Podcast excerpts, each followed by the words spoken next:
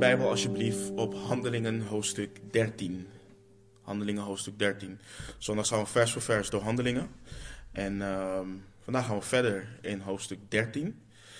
Uh, als je geen Bijbel bij je hebt en je wilt heel graag een leenbijbel, steek je hand op en we voorzien je van een leenbijbel. En uh, mocht je helemaal geen Bijbel hebben, en, um, dan mag je die Bijbel houden als uh, gift van ons en van de Heer. De Heer wil dat iedereen een Bijbel heeft. Handelingen 13 en we pakken het op vanaf vers 4. Waar Lucas schrijft onder leiding van de Heilige Geest. Zij dan, dus Barnabas en Paulus, uh, uitgezonden door de Heilige Geest, vertrokken naar Seleucia en voeren vandaar naar Cyprus. En toen zij in Salamis gekomen waren, verkondigden zij het woord van God in de synagogen van de Joden. En zij hadden bovendien Johannes als dienaar. En toen zij het eiland doorgegaan waren tot Pavos toe, troffen zij een zekere tovenaar aan, een valse profeet, een Jood van wie de naam Bar Jezus was. Hij hoorde bij de stadhouder Sergius Paulus, een verstandig man, die riep Barnabas en Saulus bij zich en verlangde ernaar het woord van God te horen. Maar Elimas, de tovenaar, want zo wordt zijn naam vertaald, ging tegen hen in en probeerde de stadhouder van het geloof af te houden. Maar Saulus, die ook Paulus genoemd wordt, vervuld met de Heilige Geest, keek hem aan en zei: O duivelskind, vol van alle bedrog en van alle sluwheid, vijand van alle gerechtigheid, zult u er niet mee ophouden de rechte wegen van de Heere te verdraaien. En nu, zie, de hand van de Heere is tegen u, en u zult blind zijn en de zon voor een tijd niet zien. En onmiddellijk viel er donkerheid en duisternis op hem. En rondlopend zocht hij naar mensen om hem bij de hand te leiden. Toen de stadhouder zag wat er gebeurd was, geloofde hij versteld over de, Heer, over de leer van de Heer. Tot zover. Laten we bidden. Vader in de hemel, Heer, we weten dat elke letter, elk gedeelte, Heer, in uw woord overgeleverd is om ons iets te leren, Heer. Om ons iets te leren van wie U bent. Uh, onze Heer Jezus, het werk van, van de Heilige Geest. En ook wat over ons eigen hart, Heer. En Vader, ik bid U, Heer, en ik vraag U om een bovennatuurlijk werk te doen in ons hart. En te openbaren wat U wilt openbaren vandaag aan ieder van ons. Nogmaals, ik bid U en ik vraag U, laat, laat ons niet onveranderd hier weggaan. En spreek woorden van eeuwig leven tot ons, Heer. Verander ons alstublieft en pas deze woorden toe in ons hart. We bidden, we vragen en we danken in Jezus' naam. Amen. Um, ik pak deze even. Ja. Vorige week hebben we stilgestaan uh, bij de missie van de kerk. De eerste drie versen hebben we behandeld. En we hebben gezien hoe de opzieners van de gemeente in Antiochië de gemeente daar leidden in aanbidding. Uh, zij dienden samen de Heer. En terwijl zij dienden, zagen we ook dat ze uh, vasten. En tijdens het dienen en vasten sprak de Heilige Geest tot de gemeente en zei: Zonder voor mij zowel Barnabas als Saulus af voor het werk waartoe ik hen geroepen heb. En de gemeente deed wat iedere gemeente hoort te doen bij zo'n openbaring. Zij vasten en baden. En nadat zij hun de handen opgelegd hadden, lieten zij Saulus en eh, Barnabas gaan. En dat is waar we ons vanmorgen ook weer bevinden. In de rest van het boek gaat Lucas zich richten op de zendingsreizen van de apostel Paulus. Dus niet Jeruzalem is meer de focus, uh, maar het werk wat de Heer doet door de apostel Paulus en de andere heiligen die met hem meegaan, uh, tot aan het uiterste van de aarde. En, en voor we daar wat dieper op ingaan, is het goed om een verdeling te maken van de zendingsreizen, zodat we weten waar we ons uh, bevinden elke keer. En Lucas, hij documenteert drie zendingsreizen uh, van de apostel Paulus. En het verslag van de eerste zendingsreis lezen we in Handelingen 13 vanaf vers 4, waar we vandaag zijn, tot en met hoofdstuk 14, vers 26. En bijbelleraren zijn het over het algemeen eens dat dit een reis was van ongeveer een jaar tot een anderhalf jaar. En qua jaartal bevinden we ons hier rond 46 à 47 na Christus. Dus je moet je even voorstellen hoeveel God al heeft gedaan in zo'n korte tijd sinds de opstanding en de hemelvaart uh, van de Heer Jezus. Hij was gewoon echt machtig bezig. Ehm, de tweede reis van de apostel Paulus lezen we vanaf Handelingen 15:36 tot en met Handelingen 18 vers 22. En dit alles vindt plaats zo'n 49 tot 51 na Christus. In de tussentijd hebben we nog de vergadering in Jeruzalem. Daar, daar komen we eh, binnenkort ook. En dan heb je vervolgens de derde reis van Paulus. En dat lezen we gelijk vanaf Handelingen 18, vers 23. Tot en met uh, hoofdstuk 21, vers 17. Maar tussen versen 22 en 23 zit nog een tijd. Maar dat is wanneer de laatste zendingsreis van Paulus begint. En deze reis duurt een stuk langer, omdat Paulus ongeveer drie jaar doorbrengt in Efeze en daar onderwijst en wonderen en tekenen doet. En na die tijd weer, uh, weer verder gaat. En waarom ik dit ook vertel, uh, ook met jaartallen, is om te doen beseffen. En het is wel mooi. Dit zijn niet zomaar woorden die we lezen in een, in een boek. Dit heeft echt plaatsgevonden uh, in de geschiedenis van de mens. probeer te beseffen dat zo'n 2000 jaar geleden er een man genaamd Paulus samen met Barnabas, Silas, Lucas, Timotheus en noem maar op, en andere heiligen, machtig gebruikt werd um, door de Heer en in zijn geloof uitgestapt heeft om de heidenen voor Christus te winnen. Dit, dit heeft gewoon echt plaatsgevonden. En in onze tekst waar we ons vanmorgen bevinden, zien we um, iets heel bijzonders gebeuren. En ik twijfelde of ik vandaag hoofdstuk 13 zou afmaken of niet, maar het achter de Heer goed om toch bij dit um, stuk stil te staan. En ik geloof om de volgende reden. Um, de afgelopen tijd, wanneer ik in ieder geval sommige van, van jullie na de dienst spreek, uh, na de dienst of de Bijbelstudie uh, op woensdag, dan merk ik dat er een enorm verlangen is om door God gebruikt te worden en, en, en in geloof uit te stappen om te doen waartoe Hij ons geroepen heeft. Het is het maken van discipelen. En, en, en dat is gewoon een groot werk wat God in ons doet wanneer dat verlangen groeit. En ik merk ook dat het niet alleen is in het bereiken van de ongelovigen die God nog niet kennen, maar ook in het sterken en bemoedigen van de heiligen die nu al met Hem wandelen. Want dat is ook een groot deel van het maken van discipelen. En geloof me, hoe meer je je in de schrift bevindt en in gebed bevindt, hoe meer dat verlangen gaat groeien. Want je denken wordt hernieuwd. En je krijgt steeds meer het hart wat de Heer heeft om de ongelovigen met hem uh, te verzoenen. En de heiligen te zien wandelen in zijn verordeningen. Want Gods woord is een levend woord en het geeft ons nieuwe verlangens. En dus de reden dat we stilstaan bij dit stukje is het volgende. En dat is ook het uh, centrale gedachte, of de centrale gedachte uh, in de studie van vandaag.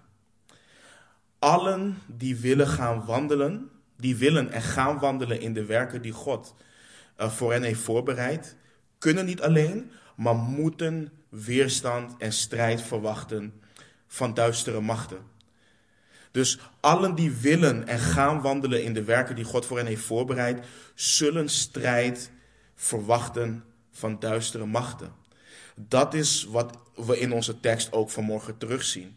We zien een strijd tussen het koninkrijk van het licht en het, en het koninkrijk dus van God en het koninkrijk van duisternis, koninkrijk van de Satan. En laten we beginnen dus vanaf vers 4. Zij dan, nogmaals Paulus en Barnabas, uitgezonden door de Heilige Geest, vertrokken naar Seleucia, vertrokken naar en uh, vandaar naar Cyprus.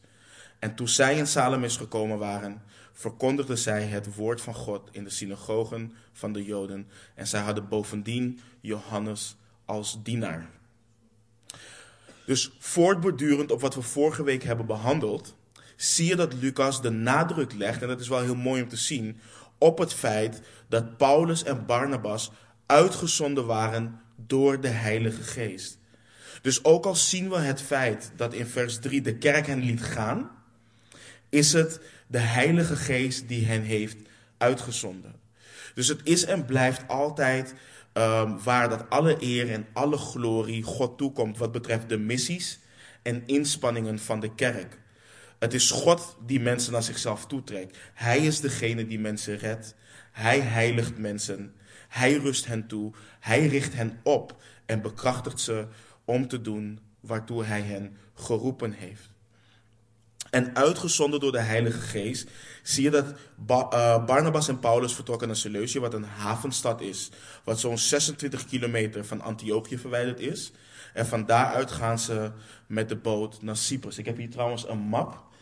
Um, de mensen op de livestream die kunnen die helaas niet zien. Ik weet niet of het duidelijk te zien is, maar het is gewoon leuk om te visualiseren hoe de eerste zendingsreis van Paulus um, en, en de rest ging. Even kijken of ik het zo zie. Ziet iedereen het duidelijk? Dus dan zie je gewoon, dit is eigenlijk het rondje wat wordt gemaakt. Uiteindelijk terug naar Antiochië om daar verslag te gaan doen van wat God heeft, allemaal heeft gedaan. En daar vanuit vertrekken ze weer de tweede zendingsreis. En als ik even uit beeld mag, is waar ze nu van hier naar hier gaan. Even een mooie presentatie. um, uh, Cyprus is het eiland waar Barnabas uh, vandaan komt. Uh, Cyprus was een van de grootste eilanden van de Middellandse Zee. Het was zo'n 238 kilometer breed, of, 238 kilometer lang en 64 kilometer breed. En het lag zo'n 96 kilometer van de Syrische kust. En goed om te weten is dat in zo'n 477 voor Christus viel het onder de heerschappij van de Grieken. En omstreeks 58 voor Christus werd het een Romeinse provincie. En het was een centrum voor grote commerciële activiteiten. Uh, bijvoorbeeld mais, wijn en olie werden daar in overvloed uh, geproduceerd. En de twee grootste steden van het eiland waren Salamis en uh, Paphos. Salamis lag aan de oostkant en Paphos aan de westkant van, van het eiland. En um, we lezen dus dat Paulus en Barnabas aankwamen in Salamis en daar in de synagoge, of naar de synagoge van de Joden gingen en daar het woord van God verkondigden. En er woonden blijkbaar daar genoeg Joden om, om, om synagogen te hebben. En dit is iets wat de bediening van Paulus zou gaan blijven kenmerken. Overal waar hij naartoe ging, of waar hij kwam, ging hij eerst naar de Joden om daar het woord van God te verkondigen. En dan pas wendde hij zich tot de heidenen. En ik geloof dat Paulus dit deed om meerdere redenen. Um, Paulus opereerde onder het gegeven wat hij over, waar hij over schreef in Romeinen 1, vers 16. Eerst voor de Jood en ook voor de Griek. En dit verwijst naar de positie of de status van het Joodse volk als Gods volk. Want God heeft het Joodse volk uitgekozen voordat ze Joden waren om door hen de Messias te brengen. En dan beginnend bij Abraham, de vader van het Joodse volk. Ik geloof ook dat als Jood het hart van Paulus uitging naar zijn Joodse broeders. Je ziet dit ook terug in Romeinen hoofdstukken 9 tot en met 11. Hij heeft een enorm verlangen dat zijn Joodse broeders tot geloof zullen komen. Um, daarnaast is een andere belangrijke reden uh, dat de Joden, de Joden verwachten de Messias al. Ze waren bekend met het woord van God en Paulus kon op die manier het gesprek met hen aangaan en vanuit de schrift beredeneren dat hun Messias al gekomen is. Dat de Heere Jezus de Messias was die het Joodse volk verwachten. En nog een laatste belangrijke reden is als. Kijk, als Paulus als eerste zou gaan naar de, synago um, naar de synagoge met zijn leer. Uh, dan zouden zij die daar buiten waren en, hier, en hiervan uh, zouden horen niet denken dat Paulus met een algehele nieuwe leer zou komen. Of met een algehele nieuwe God. Nee, hij kwam met de vervulling van de belofte van de God van Israël. En dat gold dan niet alleen voor de Jood, maar dus ook voor de Griek, de, de heidenen. En let op hoe verfrissend. We zien Paulus en Barnabas verkondigden het woord van God. Geen strategie, geen filosofie, geen psychologie. De enige manier waarop je kunt aantonen dat Jezus de beloofde Heer en Redder is, is door de schrift. Is door de verkondiging van het woord. Als je dat doet, dan zal God daar doorheen werken. En Lucas vertelt ons vervolgens dat Johannes, die ook Marcus genoemd werd, met hen mee was uh, op zendingsreis. Uh, we zien ook later, of we zien ergens, ik, ik weet niet of het zeker Colossense is of Timotheus, maar uh, dat, dat Marcus, dus Johannes, is ook de neef van, van Barnabas. En hij diende samen met hem. Dus Lucas geeft ons geen verslag van hoe de Joden in de synagoge reageerden. Um, en ik geloof, omdat hij niet de nadruk dus wil leggen op wat er in Salem is gebeurd, maar juist wat zich in Paphos uh, ging afspelen. En we lezen dus vanaf vers 6. En toen zij het eiland doorgegaan waren tot Pavoson toe, uh, toe, troffen zij een zekere tovenaar aan, een valse profeet, een Jood van wie de naam Bar Jezus was. Hij hoorde bij de stadhouder Sergius Paulus, een verstandig man. Die riep Barnabas en Saulus bij zich en verlangde ernaar het woord van God te horen. Maar Elimans, de tovenaar, want zo wordt zijn naam vertaald, ging tegen hen in en probeerde de stadhouder van het geloof af te houden. Terwijl zij dus het eiland doorgingen, komen ze in Pavos aan. En het was, eh, eh, eh, wat goed is om te weten van Pavos, is dat Pavos de, de Romeinse hoofdstad van Cyprus was en ook een belangrijke haven. En wat ook goed is om te weten, is dat het een centrum was voor de aanbidding van de, van de godin Venus, of, of in het Engels zeggen ze Aphrodite, um, Aphrodite. Sommigen zeggen zelfs dat dit haar geboorteplaats was. En zij stond ook wel bekend als de godin van de liefde, of seksualiteit, schoonheid en, en vruchtbaarheid. En het grootste festival op Cyprus was ook ter ere van, van haar. Um, die, en, dit feest werd elk voorjaar drie tot vier dagen lang gehouden.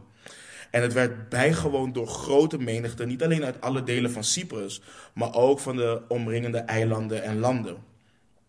En het hoogtepunt van dit festival waren de orgies die daar plaatsvonden. Um, en wij zien het nu natuurlijk voor wat het was. Maar voor de heidense samenleving daar uh, was deze periode van wat wij nu zien en wat de Bijbel ook noemt hoererij en rituelen en, en orgieën die in de naam van haar werden uitgevoerd, waren voor deze mensen waren gewoon heilig. En, en de reden dat ik dit vertel is niet om ons simpelweg een geschiedenisles les te geven. Maar wat goed is om te beseffen is de omgeving de gedachten, de duistere machten die domineerden waar Paulus en Barnabas de Heer Jezus kwamen brengen. Hoe dat zich allemaal op één klein eiland afspeelde. En, en, tegenwoordig, in onze tijd, heb je dit soort festivals niet nodig. Want met één druk op de knop kun je op het internet dit soort duisternis in je huiskamer halen. Maar nogmaals, dit was normaal. Dit was heilig voor hen. Dit kwaad werd gezien als goed. En alsof dat alleen al niet genoeg is, alsof het al niet genoeg is om in, onder zo'n uh, omgeving te opereren, kwamen ze ook nog een man genaamd Bar Jezus tegen. En, en Lucas schrijft onder leiding van de Heilige Geest over deze Bar Jezus dat hij een tovenaar was, uh, een valse profeet en nog eens een Jood. En het woord wat wordt gebruikt voor tovenaar is het woord magos. En dat is hetzelfde woord wat ook wordt gebruikt voor Simon, de tovenaar die we tegenkwamen in Handelingen 8 in Samaria. Maar wat ironisch is, is dat de naam Bar Jezus zoon van Jezus betekent. Wat betekent God is redding. Dus de zoon van God van redding, dat is zijn naam. Dat is wat zijn naam betekent. Maar door deze omschrijving van Lucas van deze man zien we dat hij niet leeft naar de hoop of de verwachting die zijn ouders van hem hadden. Want dat is, dat is hoe zij hun namen vroeger gaven um, in, de, in de Joodse geschiedenis of in, in de historie. En we lezen dat Bar Jezus hoorde bij Sergius Paulus. En hij was de stadhouder. Uh, mannen die door het leven gingen als Bar Jezus, en dat is ook heel goed om te beseffen, die koppelden zich vaak aan mensen die invloed hadden. Mensen met status, mensen met macht. En je ziet het door de geschiedenis heen, en vandaag de dag ook, de Satan werkt graag door invloedrijke mensen heen. Dat zijn de mensen die hij heel graag beïnvloedt. En over Sergius Paulus lezen we dat hij dus de stadhouder was. Hij was de hoogste functionaris uh, in, het in, in een Romeinse senaatsprovincie. En Lucas schrijft over hem dat hij een verstandig man was. En in het Grieks leert dit ons dat hij een intelligent man was. Een man met onderscheidingsvermogen. Dus het was een man die niet zomaar iets van mensen aannam. Alles wat je tegen hem zei, analyseerde, hen, analyseerde hij en ontleed hij. Hij was een, een denker.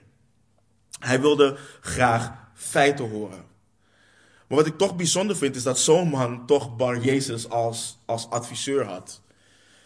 En weet je, het is ook heel goed voor ons om te beseffen Vaak zijn christenen um, juist bang om richting dit soort mensen te getuigen. Mensen als Sergius Paulus, mensen die nadenken, mensen die heel feitelijk zijn. Maar we moeten beseffen en we moeten ons denken, kijk, waren er maar meer mensen als Sergius Paulus?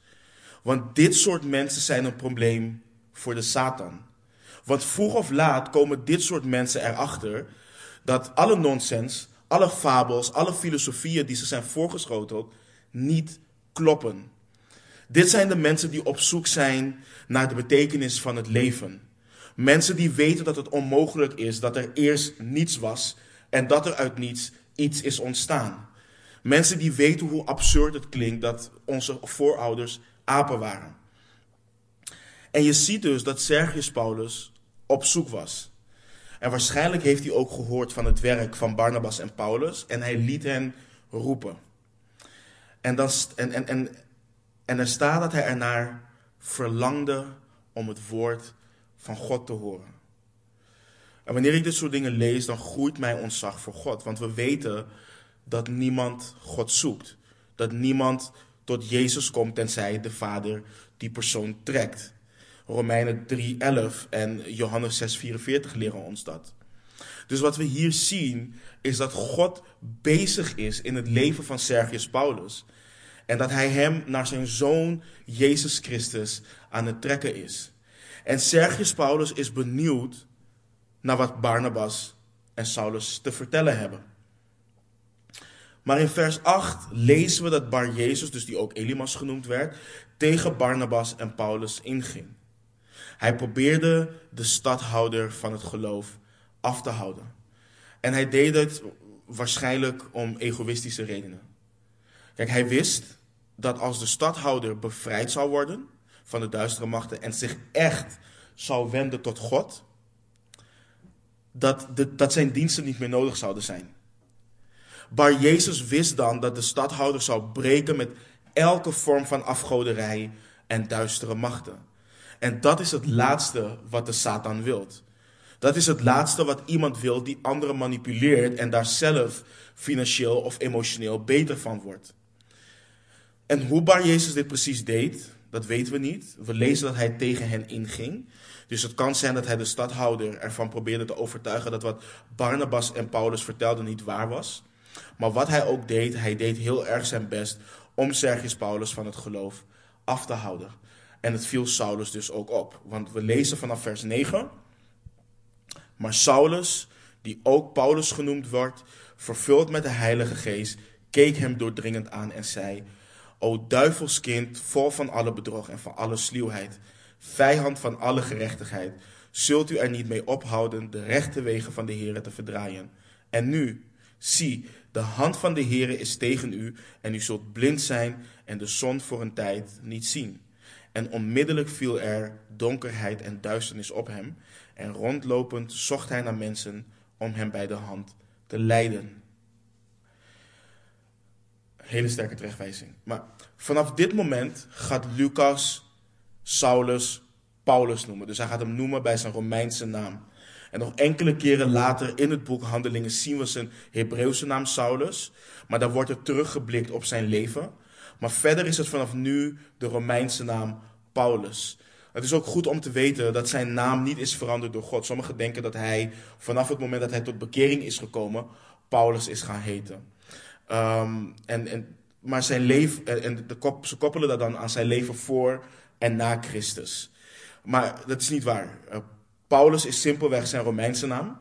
En voor zijn werk onder de heidenen is dat hoe hij geïdentificeerd wordt. Maar we lezen dus dat Paulus, vervuld met de Heilige Geest, doordringend naar Bar Jezus keek.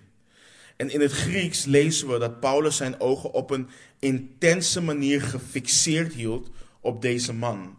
Hij observeerde hem als het ware van top tot teen en, en wees hem heel streng terecht. En ik vind het prachtig wat Lucas doet. Want voordat je denkt dat de reactie, of kunt denken dat de reactie van Paulus vleeselijk was en buitenproportioneel, let op wat er staat. Paulus vervuld met de Heilige Geest. Dus dit was geen reactie uit het vlees. En, en, en let op een aantal dingen wat hij doet. Met de naam Bar Jezus, en we weten wat dat betekent, noemt Paulus hem wat hij echt is een duivelskind, een kind van de Satan. En vervolgens zegt hij dat hij vol van alle bedrog en sluwheid is. En wanneer we vol bedrog lezen, beschrijft Lucas in het Grieks iemand die aas gebruikt om een ander die naïef is te lokken. Hij omschrijft iemand die aas gebruikt om een ander die kampt met heftige emotionele pijn en verdriet te bedriegen en te misleiden. Dat is wat Lucas in het uh, Grieks omschrijft. En dat is dus ook wat Bar Jezus doet. En hij noemt Bar Jezus vervolgens ook een vijand van alle gerechtigheid. Hij zegt in feite dat hij een vijand is van alles wat goed en van alles wat recht is. Hij is een vijand van rechtvaardigheid. En in het bijzonder goddelijke rechtvaardigheid. Niet dat er een andere vorm is, maar jullie, jullie snappen mijn punt.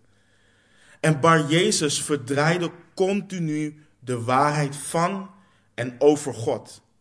Waardoor Paulus uiteindelijk de vraag stelde: Zult u er niet mee ophouden de rechte wegen van de Here te verdraaien?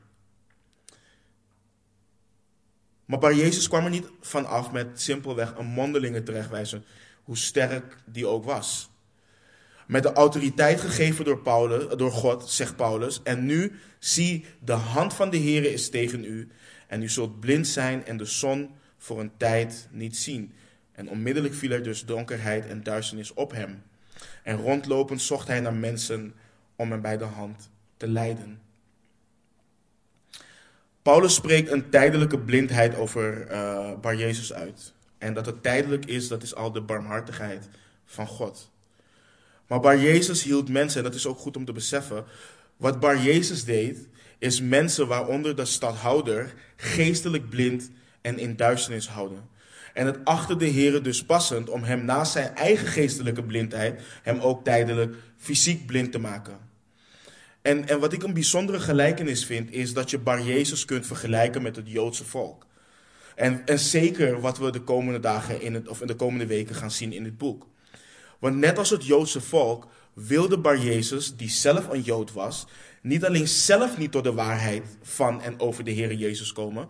Hij deed ook enorm zijn best om hen die, wel, die het wel aannamen of wilden horen, uh, om het werk van God daarin te ondermijnen.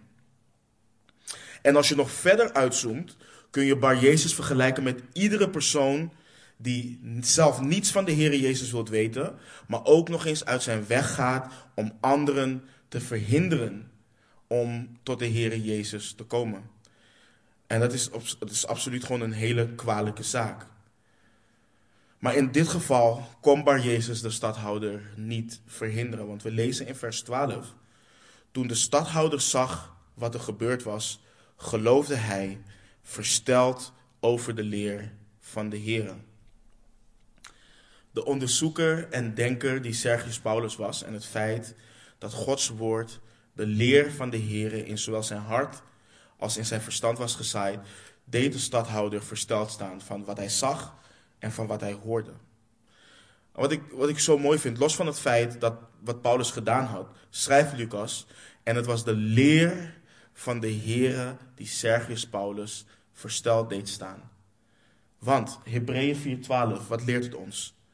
Want het woord van God is levend en krachtig en scherper dan enig tweesnijdend zwaard. En het dringt door tot op de scheiding van ziel en geest, van gewrichten en merg. En het oordeelt overleggingen en gedachten van het hart. En ik, ik, ik zei net ook al eerder, Romeinen 1,16. Waar Paulus schrijft, want ik schaam mij niet voor het evangelie van Christus. En waarom? Want het is een kracht van God. Tot zaligheid voor ieder die gelooft. Eerst voor de Jood en ook voor de Griek. Het is de kracht van God. Het is het woord van God wat uiteindelijk niet ledig zal terugkeren. En het, het, het is het woord van God wat het enige is hier op aarde wat niet verandert. Kijk, de filosofieën van, van boeddhisme, hindoeïsme en elke andere religie en filosofie zullen vergaan en zullen veranderen met hun tijd en met de tijd mee. Maar alleen het woord van God is hetgeen wat niet zal veranderen. Wat de mens ook denkt, wat de mens ook vindt, wat ook populair is op dat moment, wat God duizenden jaren geleden heeft gezegd, zal in eeuwigheid hetzelfde betekenen en hetzelfde effect blijven hebben. Want dat is het enige woord wat leeft. Dat is het enige woord wat van God is. En nu we weten wat hier is gebeurd, laten we kijken naar enkele belangrijke observaties en toepassingen voor ons anno 2021. Ik zei het eerder al, uh, wat we hier zagen um, was een, of wat we hier zien, een ware strijd tussen twee koninkrijken. Paulus en Barnabas gaan op reis, vol goede moed, uitgezonden door de Heilige Geest. En dan komen ze in een stad wat bekend staat om, om haar hoererij en afgoderij. En krijgen ze te maken met weerstand vanuit duistere machten. En ik geloof echt dat de Heer dit hier heeft overgeleverd om ons het een en ander te leren. En om ons voor te bereiden wanneer wij gaan wandelen in de werken die Hij van tevoren voor ons heeft voorbereid. En ik zei het eerder al, maar ik, zeg het nog een keer. Dus wanneer we bezig zijn met het werk van God, moeten we satanische tegenstand verwachten en erop voorbereid zijn. Kijk, iemand tot Christus leiden houdt meer in dan een verkooppraatje geven of logische argumenten gebruiken. We voeren de strijd met Satan zelf, die de persoon, die de ziel van een persoon in zijn koninkrijk van duisternis wil houden. En daarom vind ik het bijzonder dat zodra Paulus en Barnabas uitgezonden worden door de Heilige Geest, zij hier gelijk mee te maken krijgen. Het herinnert ons eraan aan het begin van de Heer Jezus zijn bediening, waar de Heilige Geest hem naar de woestijn leidde om verzocht te worden door de duivel. En in handelingen is dit nu de tweede aanvaring met duistere machten waarin het koninkrijk van het licht wint. En Satan wordt nog twee andere keren genoemd in handelingen. Hij, wordt, hij werd genoemd toen Petrus, Petrus Ananias confronteerde met zijn zonde. Dat Satan uh, zijn hart vervuld had. En in handelingen 26:18 wanneer Paulus voor koning Agrippa staat. En vooropgesteld, deze studie, geen enkele studie trouwens, maar deze studie gaat niet over de Satan. Maar het is wel goed om het een en ander te weten en vooral hoe hij te werk gaat. En, en belangrijk, de Satan wordt oftewel Satan of duivel genoemd. En Satan betekent vijand of tegenstander. Duivel betekent aanklager. En Satan is een engel dat tegen God in opstand kwam en, en velen met zich meenam. En de duivel en zijn demonen voeren strijd tegen Gods koninkrijk. Het is niet een strijd die ze kunnen winnen. Het is een strijd die ze al verloren hebben. Maar ze voeren die strijd. En bijvoorbeeld van demonen weten we dat demonen mensen kunnen uh, bezitten. We zien dat door het evangelie continu heen. Of door de evangelie. Er zijn, er zijn enkele binnen verschillende christelijke stromingen die niet geloven dat de Satan een echt wezen is. Ze geloven bijvoorbeeld dat de Satan jouw eigen ego of een mystieke kracht is. Geloof me, deze dingen, dat denken mensen echt. En vaak zeggen ze dit omdat ze zelf nooit een aanvaring te, uh, omdat ze zeggen zelf nooit een aanvaring te hebben gehad uh, met de duivel. En dat kan. Want als je dat soort nonsens uitkraamt, dan ben je geen tegenstander van de duivel, maar dan doe je precies zijn werk. En dan hoef je ook geen tegenstand van hem te verwachten. De duivel hoeft zich geen zorgen te maken over hen die al, um, over hen die al leven zoals hij dat wilt. Het enige wat hij hoeft te doen is ervoor zorgen dat zij die geestelijk blind zijn, blind blijven. Daarom schrijft Paulus ook het volgende in 2 Korinthe 4, vers 4. Voor hen, de ongelovigen, geldt dat de God van deze eeuw hun gedachten heeft verblind, opdat de verlichting met het evangelie van de heerlijkheid van Christus, die het beeld van God is, hen niet zou bestralen. Dit is wat de Satan doet. De Heere Jezus zei bijvoorbeeld in Lucas 8:11 dat de Satan actief bezig is met het wegnemen van het woord wanneer dit gezaaid is in het hart van mensen, opdat zij niet geloven en zalig worden. Dus nogmaals, dit is wat de Satan actief aan het doen is. We weten niet waarom God de Satan toelaat om dit te doen. Wel weten we dat de macht van de Satan mensen niet vrijstelt van hun eigen verantwoordelijkheid voor hun geestelijke blindheid. En Paulus maakt duidelijk dat ongelovigen geoordeeld zullen worden omdat ze niet lief hadden en niet in de waarheid geloofden, maar liever plezier hadden in goddeloosheid. In 2 Thessalonicense 2, versen 11 en 12 leren we het volgende. En daarom zal God hun een krachtige dwaling zenden, zodat zij de leugen geloven, opdat zij allen veroordeeld worden die de waarheid niet geloofd hebben, maar een behagen hebben gehad in de ongerechtigheid.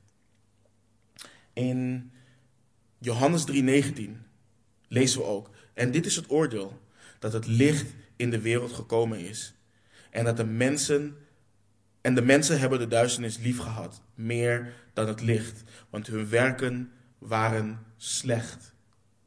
Dus de Satan is actief bezig met mensen geestelijk blind houden. En zoals we zagen bij Bar, Jezus, gebruikt hij daar bedrog voor en doet hij dit op een sluwe manier. En hij is vandaag actiever dan ooit.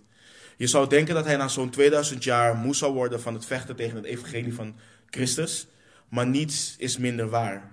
Kijk, kijk goed naar de tijd waarin we vandaag de dag leven. Spiritualiteit is populairder dan ooit. En het komt in alle vormen, in alle geuren en in alle kleuren. Eh, maar de spiritualiteit die wordt aangeboden, daarin wordt de Heer Jezus weggelaten. Zijn dood voor zondaars wordt weggelaten.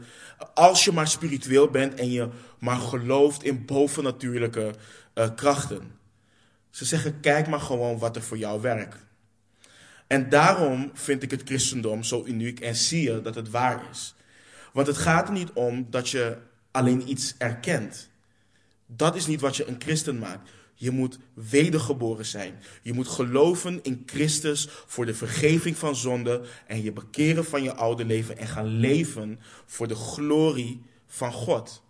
Dus het gaat er niet om dat je simpelweg erkent van, oh ja, nee, ik geloof wel dat er een God is. Want wat zegt Jacobus in uh, Jacobus 2:19? U gelooft dat God één is, daar doet u goed aan. Maar ook de demonen geloven dit en zij sidderen. Het is goed om te weten dat je in de Bijbel geen enkele demon tegenkomt die atheïst is. En je ziet dat, dus elke demon in de Bijbel gelooft in God. Ze weten wie God is. Alleen wij, alleen wij mensen zijn bezig met atheïsme. Maar, wat ze, uh, maar daarentegen zie je dat de wereld nu ook een beetje klaar is met het atheïsme. En wat ze nu doen is spiritualiteit. En zelfs binnen de wetenschap zie je dit. Maar ze, dus ze erkennen dat er een God is. Wat voor God maakt niet uit. En ik las hier een stuk over uit een artikel um, waar stond dat er bewijs is voor het feit dat geloven bijdraagt aan fysieke genezing. Maar dat het niet uitmaakt waarin je gelooft.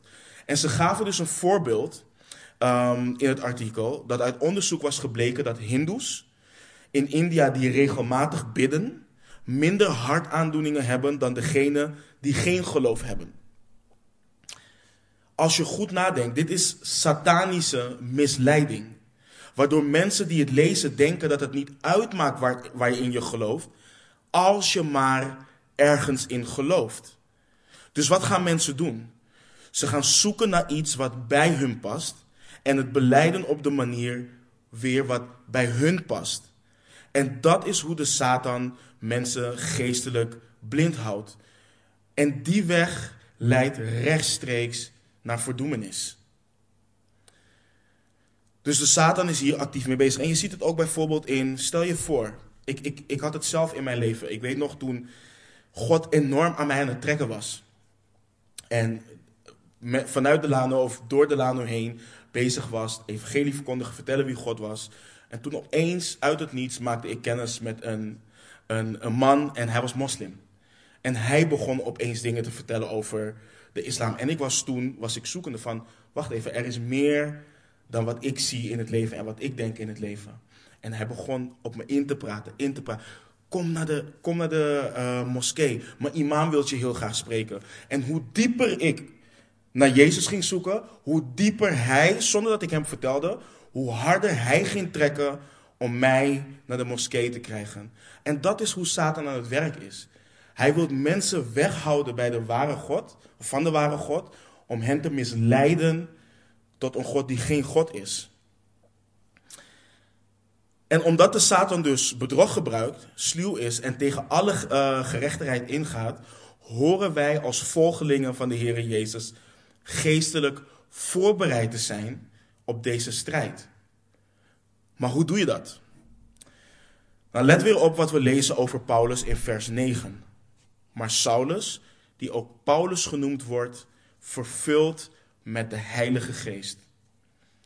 En ik heb het al eerder in studies gezegd, maar het kan niet vaak genoeg gezegd worden. Wat het betekent om vervuld te zijn met de Heilige Geest. Het is geen gevoel van extase, het is geen zweverig gedoe. Vervuld zijn met de Heilige Geest betekent dat je handelt en wandelt onder leiding van de Heilige Geest. Dat je dat je, je volledig hebt overgeleverd en overgegeven aan de Heilige Geest. En dat houdt dus in, je doet dus niets, niets uit eigen wil of uit eigen motief, maar je doet alles onder controle en leiding van Gods Geest. En omdat wij als mensen, ook als wedergeboren christenen, zo geneigd kunnen zijn om uit eigen wil te handelen, moeten we heel voorzichtig zijn, ook wanneer we iemand bijvoorbeeld confronteren. Wat we bijvoorbeeld Paulus zien doen. Kijk, we moeten echt ons hart toetsen daarin. Uh, onze motieven moeten zijn dat we actief bezig zijn met de glorie van God. Dat is als eerste. Dat we oprecht bezig zijn met het verdedigen van de waarheid. En dat we oprecht bezorgd zijn om de zielen van hen die verloren zijn. En, en dit is echt iets waar, we waar je in gaat groeien. Ik weet nog dat ik zelf een enorme aanvaring had met een, um, een beleidende christen die heel veel deed aan straatevangelisatie. En hij hield er qua geloof en doctrine hele, hele rare visies en dingen op na. Waardoor ik hem geconfronteerd had. En um, En men kan dan soms denken, maar hij is bezig met het werk van God. Maar het ding is dat wanneer je men niet de waarheid vertelt over God, en zeker fundamentele zaken als zonde, dan leid je iemand tot een valse Jezus die niet redden kan, en dan blijft die persoon geestelijk blind. Het gaat om de zielen van mensen. In 1 Petrus 1:9 schrijft Petrus ook dat het gaat om de zaligheid van onze zielen. En dat is dus echt iets wat wij als mensen, als christenen, serieus moeten nemen. Nogmaals, een belangrijke kanttekening is dat we met onderscheidingsvermogen te werk moeten gaan. Niet iedereen die iets verkeerd zegt of denkt is bewust een valse leraar. Sommigen zijn verkeerd onderwezen of simpelweg onwetend. En daarin moeten we barmhartig en genadig zijn en die mensen wijzen op de waarheid. Um, maar als iemand bewust bezig is met het, een, een ander misleiden, en zeker wanneer het gaat om zaken wat een ander weghoudt bij de ware Jezus Christus, dan moeten we, en dat is een andere belangrijke toepassing, bereid zijn om de geestelijke strijd aan te gaan en die persoon te confronteren. En dat is bijvoorbeeld wat we Paulus zien doen. Vooropgesteld. Je moet echt zeker weten dat je aangespoord wordt door de Heilige Geest om iemand een duivelskind te noemen. Je moet dat echt zeker weten. Dat doe je niet zomaar even. En je moet er 100% zeker van zijn dat de Heilige Geest je aanspoort om iemand met blindheid te slaan.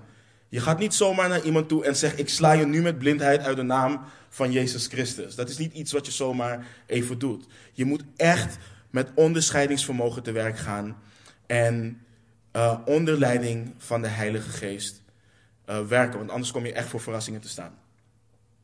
Maar nogmaals, als we zien dat iemand valse doctrine gebruikt om anderen van verlossing af te houden, dan horen we als wedergeboren christenen nooit te zwijgen. En de reactie van Paulus, ik vind dat zo verfrissend. Omdat we tegenwoordig leven in een hele politieke correcte samenleving. En dat is ook de kerk ingeslopen. Nee, we moeten elkaar lief hebben. Ja, en we beleiden allemaal in Jezus te geloven. Ik hoef toch niks te zeggen.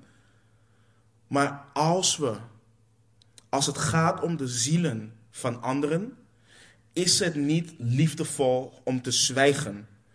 Het is niet het hart van Jezus Christus om dan te zwijgen. In Matthäus 23 zie je hoe de Heer Jezus met dat soort mensen omging. Let alleen al op Matthäus 23, vers 15. Kijk wat, kijk wat de Heer Jezus zegt. Wee u, schriftgeleerden en fariseeën, huigelaars, want u reist zee en land af om één proseliet te maken. En als hij het geworden is, maakt u hem een kind van de hel, dubbel zo erg als u. En wee u, wee is een oordeel, een reactie op iets. En dit staat echt in contrast tot wat de Heer Jezus bijvoorbeeld in Matthäus 5 zei: zalig zijn zij die. Hier zegt hij: wee u die dit soort dingen doen. Dus het is niet liefdevol. En zeker als we ons um, bekommeren om de zielen van anderen, moeten we, net zoals Paulus uh, dat deed, de confrontatie aangaan en anderen terechtwijzen. We doen dit in liefde, we doen dit um, in genade en barmhartigheid. Want het doel is altijd om anderen naar de Heer Jezus Christus te wijzen. Maar we doen het wel. Een andere en belangrijke observatie en toepassing voor ons is gelijk ook een bemoediging. Wanneer we geestelijke strijd ervaren in het presenteren van het evangelie en mensen ons afwijzen, houd dit niet in dat we gefaald hebben in ons werk voor de Heer Jezus Christus. Dat is ook wat vaak, vaak wat mensen denken. Dus ze zijn uitgestapt in geloof, ze hebben het evangelie verkondigd en men is tegen hen uitgevallen of, of wat dan ook. En dan denken ze van, oh, had ik dit niet moeten zeggen of had ik niet zo moeten handelen? Uh, was ik, bevond ik mij buiten de wil van God? Door handelingen heen zien we dat sommigen zich krachtig tegen het evangelie verzetten. Bij sommigen zien we dat ze heel onverschillig reageren. En bij, bij anderen zien we dat ze tot reddend geloof komen. Maar wat de reactie ook is, het is onze taak om onder leiding van de Heilige Geest de waarheid van Jezus Christus te delen. De resultaten, die zijn niet aan ons. Die zijn aan de Heilige Geest. Hij is degene die mensen tot geloof brengt. En daarom vind ik de, de volgende woorden van Paulus zo krachtig en bemoedigend uit 1 Korinthe 2 vanaf uh, vers 1 tot en met 5. Daar lezen we dat hij schrijft aan de broeders in Korinthe. En ik, broeders, toen ik bij u kwam, ben niet gekomen om u met voortreffelijkheid van woorden of van wijsheid het getuigenis van God te verkondigen. Want ik had mij voorgenomen niets anders onder u te weten dan Jezus Christus en die gekruisigd. En ik was bij u in zwakheid, met vrees en veel beven. En mijn spreken en prediking bestonden niet in overtuigende woorden van menselijke wijsheid, maar in het betonen van geest en kracht, opdat uw geloof niet zou bestaan in wijsheid van mensen, maar in kracht van God. Nogmaals, het is het woord van God wat levend is. Het is de kracht van God. Hij doet het werk. En ik wil afsluiten met een, een, een, een laatste en een belangrijke toepassing voor ons. Dit nu, uh, tot nu toe, is in de context van een wedergeboren, wedergeboren christen die richting een ongelovige getuigt. Maar deze zaken zijn ook toe te passen wanneer we met elkaar als christenen bezig zijn, met elkaar als broeders en zusters. Wanneer we elkaar willen sterken, bemoedigen, maar ook moeten terechtwijzen en vermanen. Kijk, stel dat een broeder of een zuster gezondigd heeft, of in zonde leeft en terechtgewezen moet worden, weet dan dat ook op dat moment geestelijke strijd gaande is. De Satan gaat er alles aan doen om te verhinderen dat er herstel plaats gaat vinden. Dus wees daar geestelijk altijd op voorbereid. En we kunnen leren van hoe Paulus met deze situatie is omgegaan door niet om, op een natuurlijke wijze naar deze zaken te kijken, maar juist vanuit een hemels perspectief, een geestelijk perspectief. Wanneer we bezig zijn met het werk van God, nogmaals gaan we geestelijke strijd aan. Het is het gevecht tussen twee koninkrijken. En te midden van alles kunnen we ontmoedigd raken en denken: wat, wat is dit allemaal? We kunnen zo gefocust gaan raken op de omstandigheden en onze ogen afhalen van het werk wat God voor ons heeft voorbereid. En dat is wat de Satan wil. Nogmaals, hij is sluw. Bijvoorbeeld toen God hier bezig was met het planten van deze kerk. En het duidelijk was geworden hoe ik hem hier zou dienen, hoe Delano en noem maar op zouden gaan dienen. Ehm, als eerste, die eerste dag nadat we hadden gebeden en, en noem maar op, enorme strijd in ons huis, in ons huishouden en noem maar op. Ehm, maar een paar weken later, toen we wisten van oké, ehm, de Heer wil dit gaan doen en over een tijd gaat het beginnen, kreeg ik nog geen paar weken later een aanbod voor een baan op Curaçao. En Sjoe en ik waren zo in strijd. Hoe, hoe kan dit? Ehm, want het was een heel goed en heel aantrekkelijk aanbod. Maar hoe kan dat komen en vallen tegelijkertijd met de bediening die God hier wilde starten? Maar door echt geestelijk voor te bereiden en God echt te zoeken, niet alleen wij, maar samen met broeders en zusters, wisten we wat we uiteindelijk moesten doen. En als je nu ziet hoeveel vrucht dit allemaal draagt, wat de Heer hier allemaal aan het doen is. En ik zeg hier, hier niet mee dat het afhankelijk was van mij, maar als je ziet wat God allemaal aan het doen is, zowel hier binnen de vier muren van de gemeente als erbuiten, door jullie heen, maar ook door het internet heen. Het woord van God wordt gezaaid in de harten en levens van mensen die we niet eens kennen.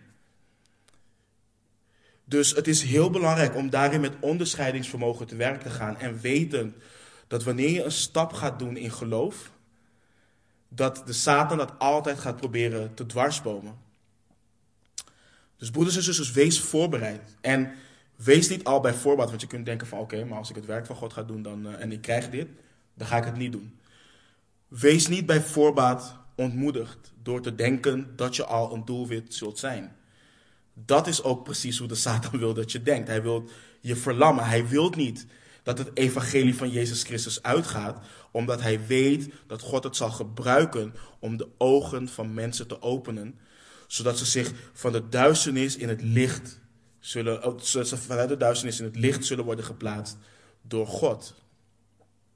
De enige optie die we hebben als wedergeboren christenen is de strijd aangaan, wetend dat de Heere Jezus de Satan al verslagen heeft en hij zal blijven zegevieren. Weten dat de Heer Jezus heeft gezegd dat de poorten van de hel de kerk niet zullen overweldigen. En dat is een belofte waar we op mogen staan. De poorten van de hel zullen de kerk nooit overweldigen. En Paulus schreef: Bekleed u met de hele wapenrusting van God, opdat u stand kunt houden tegen de listige verleidingen van de duivel. Want wij hebben de strijd niet tegen vlees en bloed, maar tegen de overheden, tegen de machten, tegen de wereldbeheersers van de duisternis van dit tijdperk, tegen de geestelijke machten van het kwaad in de hemelse gewesten. Neem daarom de hele wapenrusting van God aan, opdat u weerstand kunt bieden op de dag van het kwaad en na alles gedaan te hebben, stand kunt houden. Broeders en zusters, het is belangrijk dat we ons continu A in gebed bevinden. Dat zien we ook later in dit gedeelte. Maar dat we ook de zwaard van, het geest, van de geest nemen, wat het woord van God is. Jacobus leert ons ook dat als wij ons onderwerpen aan God, dat de duivel van ons zal wegvluchten. Onze enige optie is om ons te onderwerpen aan God, om, om Hem na te volgen, om Hem te leren kennen. En dan zul je ook zien, wat ik net ook al zei en wat de Heer Jezus zei, is dat de poorten van de hel nooit zullen overweldigen. Amen. Laten we bidden. Hemelse Vader, we zijn u zo dankbaar, Heer. Heer, als eerste dat, dat u, Heer Jezus, de kop van de slang verbrijzeld hebt, Heer. Heer, dank u wel dat u overwonnen heeft. Dank u wel dat u de dood overwonnen heeft. Dank u wel dat u de Satan overwonnen heeft. Dank u wel dat wij meer dan overwinnaars in u zijn, Heer. En Heer, dank u wel ook voor dit gedeelte wat ons erop wijst, Heer, dat, dat we geestelijk naar zaken moeten kijken om ons heen, Heer. Naar alles wat er gebeurt, ook nu met corona en alles, Heer. We weten dat alles Heer, dat niets gebeurt zonder dat u het weet, Heer. En we weten ook dat we weerstand kunnen verwachten vanuit ehm, de Satan en zijn um, volgelingen. Maar we bidden, Heer, dat we gesterkt worden door u. Heer, dat we en, we, en we danken u voor de belofte dat niets ons kan wegrukken uit uw handen. En ik bid u ook, Heer, en ik vraag u om ons te vervullen met uw geest. Heer, om ons te helpen om te wandelen in en naar de geest, Heer. En in geloof uit te stappen om het werk te doen wat u voor ons voorbereid heeft, Heer. Niet alleen richting de, de mensen die u nog niet kennen, maar ook richting elkaar als broeders en zusters. En vader, ik bid u als eerste ook, of ik bid u ook dat dit als eerste ook gaat plaatsvinden in onze eigen huizen, in onze eigen gezinnen, Heer. Heer, want we weten dat als u de gezinnen bekrachtigt, Heer, dat dit door zal werken in de wereld, Heer. In de gemeente, in de wereld en noem maar op. Dus ik bid, Heer, dat u ons sterkt. Ik bid dat u ons bemoedigt. Ik bid dat u ons verandert. En dat u onze ogen gericht houdt op u, Heer. Dank u wel. We loven en prijzen uw naam. En bidden dit allemaal in Jezus' naam. Amen.